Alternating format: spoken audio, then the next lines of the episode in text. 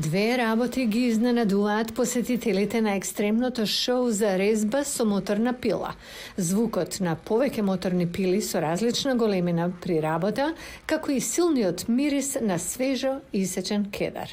20 уметници со моторна пила на настан за маратонска резба во Арлингтон, во сојузната држава Вашингтон, ги прикажуваат своите дела. Лейн Ворден вели дека можноста да се импровизира е клучен дел од процесот. Понекогаш почнувате да правите мечка, а може да завршите со птица. Ако сгрешите еден рез, не мора да значи дека сте ја сгрешиле целата резба.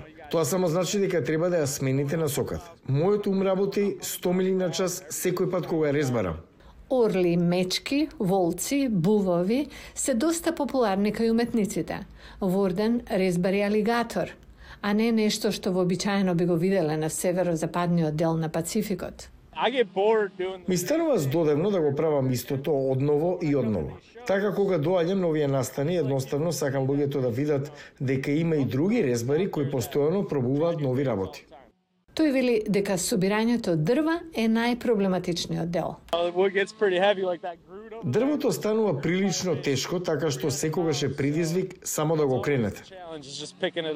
Резбата со моторна пила се сметаше за претежно машка работа.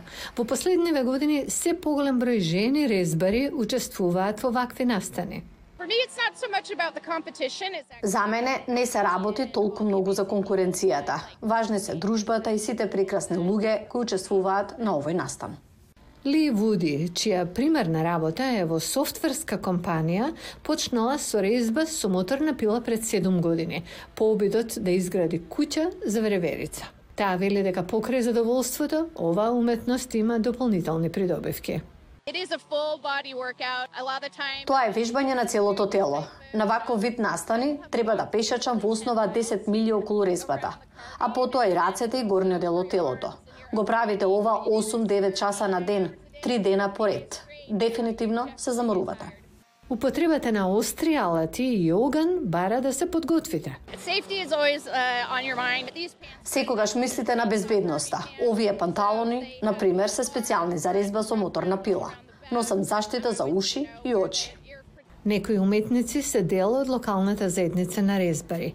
Овој резбар, кој колегите го нарекуваат Джордж, дошол дури од Монголија, каде што работел на скулптури од мраз.